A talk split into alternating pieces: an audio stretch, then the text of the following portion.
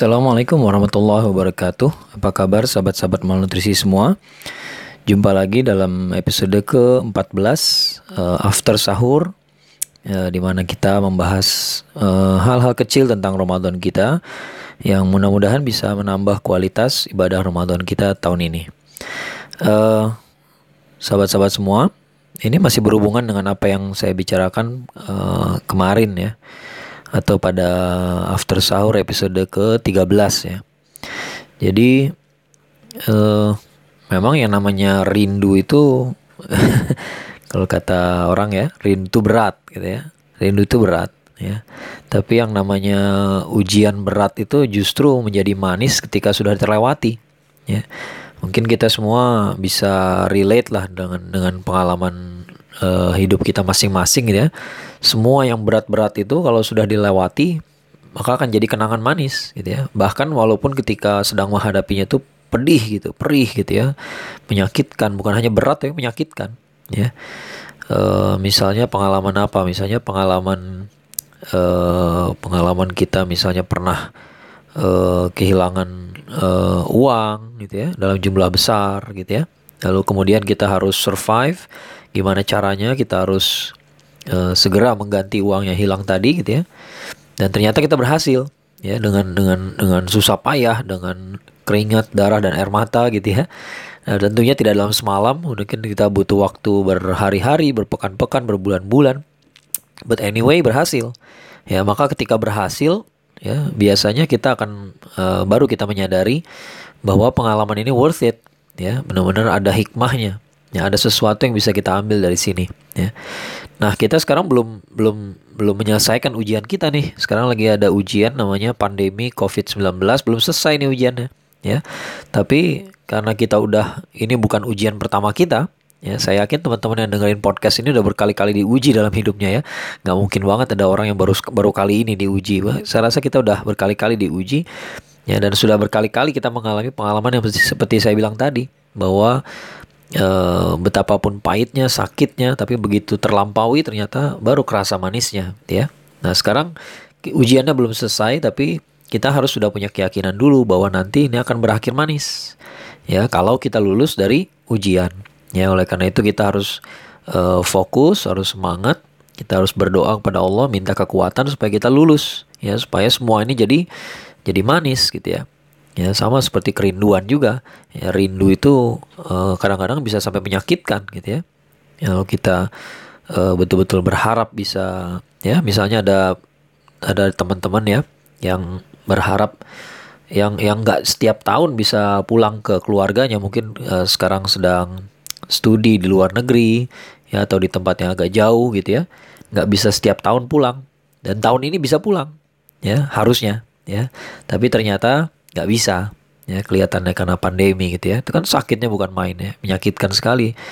Sudah uh, menunggu-nunggu tapi ternyata nggak bisa ya. Tapi ya, namanya uh, apa kalau sudah ditunggu-tunggu kalau sudah menunggu kalau harus menunggu uh, lebih lama lagi maka nanti uh, ketika akhirnya perjumpaan itu tiba maka manisnya pun akan berkali-kali lipat gitu ya. Bahagianya pun akan berkali-kali lipat. Dan bahkan ini mungkin akan jadi cerita buat anak uh, nah ini percaya nggak ya teman-teman ya percaya apa enggak? Saya saya sih meyakini bahwa uh, teman-teman nanti akan punya cerita buat anak-anak teman-teman ya buat anak-anak kita nanti ya. Ya walaupun banyak mungkin yang belum punya suami atau istri tapi boleh kan bayangkan nanti suatu hari kita punya anak gitu ya. Kita bisa cerita tahun 2020 wah kejadiannya kayak begini ya.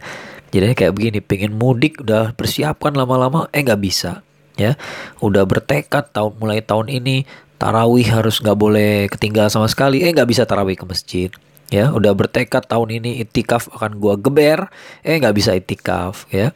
Nah ternyata uh, ya nanti akan jadi cerita manis gitu ya. akan jadi cerita kepada anak-anak kita bahwa kita dulu pernah mengalami kayak begini sampai nggak bisa keluar rumah sampai komplek kita jadi zona merah. Waduh masya Allah gitu ya. Nah itulah uh, itulah uh, yang saya bicarakan kemarin bahwa kerinduan ini suatu hari akan berbuah manis juga. Ya tapi kita harus yakin bahwa kita bisa melampauinya tentunya dengan pertolongan Allah Subhanahu wa taala ya. Nah teman-teman uh, kalau kita uh, apa ya kita nih sekarang nggak bisa ke masjid ya mungkin itu yang paling menyakitkan bagi kita sekarang ya.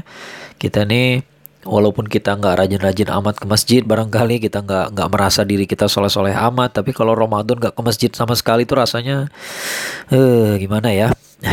Susah digambarkan gitu ya.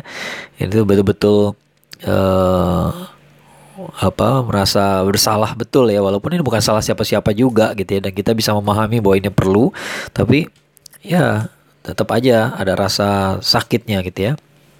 Nah, tentu saja pertanyaan uh, apa kalau kita sekarang nih ditakdirkan oleh Allah Subhanahu wa taala, kita juga yakin ini takdir ya. Kita ini ini adalah takdir, takdir Allah Subhanahu wa taala dan kita nggak bisa ke masjid itu pun ada aturan syariatnya ya. Artinya para ulama juga sudah mendiskusikan bahwa mudaratnya lebih besar daripada manfaat daripada kemaslahatannya karena itu lebih diutamakan tidak ke masjid dulu ya. Lebih baik di, tidak ke masjid dulu. Jadi ini uh, apa uh, alasan syariahnya juga ada ya dan itu dibenarkan oleh Allah Subhanahu Wa Taala. Jadi jadi uh, pandeminya dari Allah ujiannya dari Allah dan uh, konsekuensi kita nggak bisa ke masjid ini pun ketetapan Allah ya. Jadi kita bisa meyakini bahwa kita ini sekarang lagi nggak bisa ke rumah Allah ya. Uh, dan itu memang uh, atas kehendak Allah Subhanahu Wa Taala sendiri ya Tentu saja kita yakin juga ya sebenarnya tanpa pembahasan yang panjang lebar ini pun kita juga meyakini bahwa nggak ada yang terjadi tanpa izin Allah Subhanahu Wa Taala. Ini semua ini atas kehendak Allah Subhanahu Wa Taala. Ya jangan diragukan lagi. Ya. Nah ternyata Allah Subhanahu Wa Taala sekarang tidak menghendaki kita datang ke ke rumahnya, ya ke masjid. Ya. Tentu saja sebagai orang yang beriman, hal pertama yang harus kita pikirkan adalah kita ini salah apa, ya. Kalau ada orang mengatakan ya e, kamu nggak usah ke rumah saya dulu deh gitu ya misalnya gitu ya. Itu kan berarti apa ya itu tamparan keras buat kita gitu. Oh kita nggak boleh datang bertamu ke rumah dia kita ada apa gitu ya. Pasti e, pertanyaan kita sebagai orang yang beriman itu ya bertanya pada hati kecil kita sendiri kita ini salah apa? Ya kita ini salah apa? Ya. kita merasa bersalah dan kita merasa merindu. Ya apa sih ekspresi ekspresi kita kalau apa ya kalau kalau menghadapi dua perasaan itu waktu kita masih kecil ya kenapa saya bilang waktu masih kecil? Karena anak-anak itu sesuai dengan fitrahnya gitu ya. Karena saya suka memperhatikan anak saya sendiri bagaimana reaksi dia reaksi dia terhadap segala segala sesuatunya gitu ya. Anak tuh masih sesuai fitrahnya gitu ya. Jadi uh, yang masih belum balik gitu masih kecil gitu ya itu masih sesuai dengan fitrahnya. Jadi kadang-kadang kita diingatkan oleh mereka sendiri ya kadang-kadang bukan orang tua belajar eh, bukan bukan anak belajar dari orang tua kadang-kadang orang tua juga perlu belajar dari anak ya. Nah kita kalau kalau an namanya anak itu punya salah ya lalu kemudian dia dilarang melakukan sesuatu yang dia sukai ya nggak boleh sama sekali gitu ya sebagai hukuman gitu ya. Biasanya apa sih yang kita yang dilakukan oleh anak? Ya bernegosiasi walaupun mungkin kata negosiasi terlalu canggih ya buat anak-anak ya mungkin bisa dibilang ya nawar gitu nawar, merajuk, ya janji, ya bikin janji. Ya, bikin janji itu itu kebiasaan anak kecil. Jadi kalau anak tuh merasa bersalah, dia tahu dia salah, makanya dia nggak boleh, misalnya dia nggak boleh main keluar lagi, nah gitu ya, nggak boleh main sepeda lagi. Ya, kenapa? Karena ya ada sebuah kesalahan lah yang dia buat gitu ya. Karena dia mungkin mukul adiknya, ya atau dia mukul uminya, maka dihukum sama sama abinya gitu ya. Kamu nggak boleh main sepeda dulu, ya. sepedanya habis kunci. Nah gitu ya. Biasanya anak-anak tuh akan ngerti bahwa dia salah dia merasa bersalah. Kalau dia merasa bersalah biasanya dia akan terdorong untuk uh, nawar gitu ya. Nawar nawarnya apa ya? Uh, apa? Dia akan bilang ya dia akan mau walaupun kadang-kadang harus dibimbing juga ya. Nggak bisa langsung begitu saja ya. Namanya juga anak-anak ya. Walaupun sesuai fitrah kadang-kadang mereka nggak tahu juga apa yang uh, bagaimana mengekspresikannya ya. Tapi uh, sifat itu ada gitu ya. Jadi biasanya mereka akan nawar atau mau diajak nawar ya. Mereka akan bilang uh, maaf gitu ya. Uh, adik salah gitu ya misalnya atau kakak salah uh, apa nggak uh, akan diulangi lagi ya nggak akan diulangi lagi nanti uh, setelah ini nggak uh, akan berbuat begini lagi atau nanti setelah ini ya akan berbuat ini itu. Nah, itu juga termasuk janji. Jadi janji itu bukan hanya berhenti melakukan sesuatu tapi juga berjanji mulai akan melakukan sesuatu. ya mulai sekarang kalau main sama adik akan akan rukun akan berbagi nah, ya, itu termasuk janji juga gitu ya ya. Nah sekarang kita sadar bahwa kita ini punya salah. Ya pasti ada salah kita nih. Kenapa Allah subhanahu wa taala lagi nggak berkenan menerima kita di rumah Allah? Ya. Ya uh, pasti kita punya salah. Ya. Oh bagaimana kalau salahnya salah orang lain? Orang lain yang punya salah uh, akibatnya kita kena azab. Uh, orang lain di sekitar kita yang salah, tapi kita nggak berbuat apa-apa, kita salah juga. Ya, jadi pada dasarnya kita salah. Ya, kalau kalau ada kemungkaran di sekitar kita lalu kita nggak berbuat apa-apa, ya walaupun kita tahu dan kita mampu, ya jelas kita salah juga. Ya, jadi nggak usah dicari-cari celahnya, pokoknya ya kita salah, gitu ya. Kita salah dan kita sekarang sedang rindu sama masjid ya.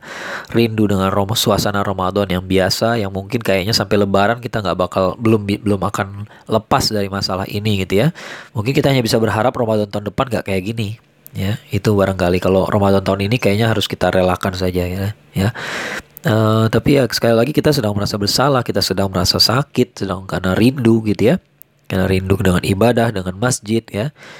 Nah oleh karena itu cobalah uh, kita jadikan PR bersama yuk ya. Kita hari ini kita ucapkan dalam doa kita apa janji kita kepada Allah Subhanahu wa taala ya. Apa janji kita? Ya, teman-teman mau janji apa? Ya, apa kira-kira kesalahan kita yang mau kita perbaiki? Ya, coba ucapkan janjinya kepada Allah. Ya, ucapkan dalam doa kita kita selipkan ya Allah saya sangat rindu sama uh, suasana Ramadan yang biasa sangat rindu pada soal pada uh, masjid ya oleh karena itu nanti kalau uh, kalau tiba saatnya engkau ridho uh, penyakit ini engkau angkat gitu ya uh, masalah ini engkau sudahi uh, maka uh, saya bertekad ya saya bertekad akan misalnya uh, sebisa mungkin nggak nggak meninggalkan sholat lima waktu di masjid misalnya ya kemudian tahun depan kalau Ramadan kalau sempat uh, ada usia bertemu lagi dengan Ramadan tidak akan sia-sia-siakan Ramadan lagi gitu ya. Kenapa? Karena saya tahu rasa sakitnya sekarang ini ya, di bulan Ramadan kali ini. Ini pelajaran betul buat saya ya Allah. Nah, coba coba apa janji kita? Ya, apa janji kita kepada Allah? Ya, kita sudah merasa bersalah, kita sudah merasa sakit, sudah merasa uh, sakitnya rindu dan sakitnya ujian seperti ini. Maka sekarang apa penawaran kita? Ya, apa uh, negosiasi tawaran negosiasi kita nih kepada Allah gimana ya menemukan negosiasi dalam arti kita bisa ngasih sesuatu buat Allah gitu ya. kita nggak bisa ngasih apa-apa ya tapi coba kita bernegosiasi apa yang bisa kita ubah dari diri kita ya kita ingin menjadi hamba Allah yang lebih baik ya kita merasa bersalah betul-betul sekarang ini ya kami merasa bersalah ya kita merasa bersalah termasuk yang ngomong sekarang ini juga sedang merasa bersalah ya tapi coba kita uh, sampaikan kepada Allah Subhanahu wa taala apa janji kita. Ya, apa janji kita? Kita mau berubah gimana? Ya, apa apa yang mau kita ubah dari diri kita, dari hidup kita dalam rangka menebus kesalahan ini. Mudah-mudahan Allah meridhoi uh, doa-doa kita, penyesalan kita, uh, rasa sakit kita, kerinduan kita. Mudah-mudahan Allah ubah situasi ini menjadi situasi yang menggembirakan dalam dalam waktu secepat-cepatnya ya. Dan mudah-mudahan ini semua menjadi cerita indah bagi kita di masa depan dan juga di akhirat kelak. Amin ya robbal alamin. Sampai jumpa pada episode after sahur berikutnya. Assalamualaikum warahmatullahi wabarakatuh.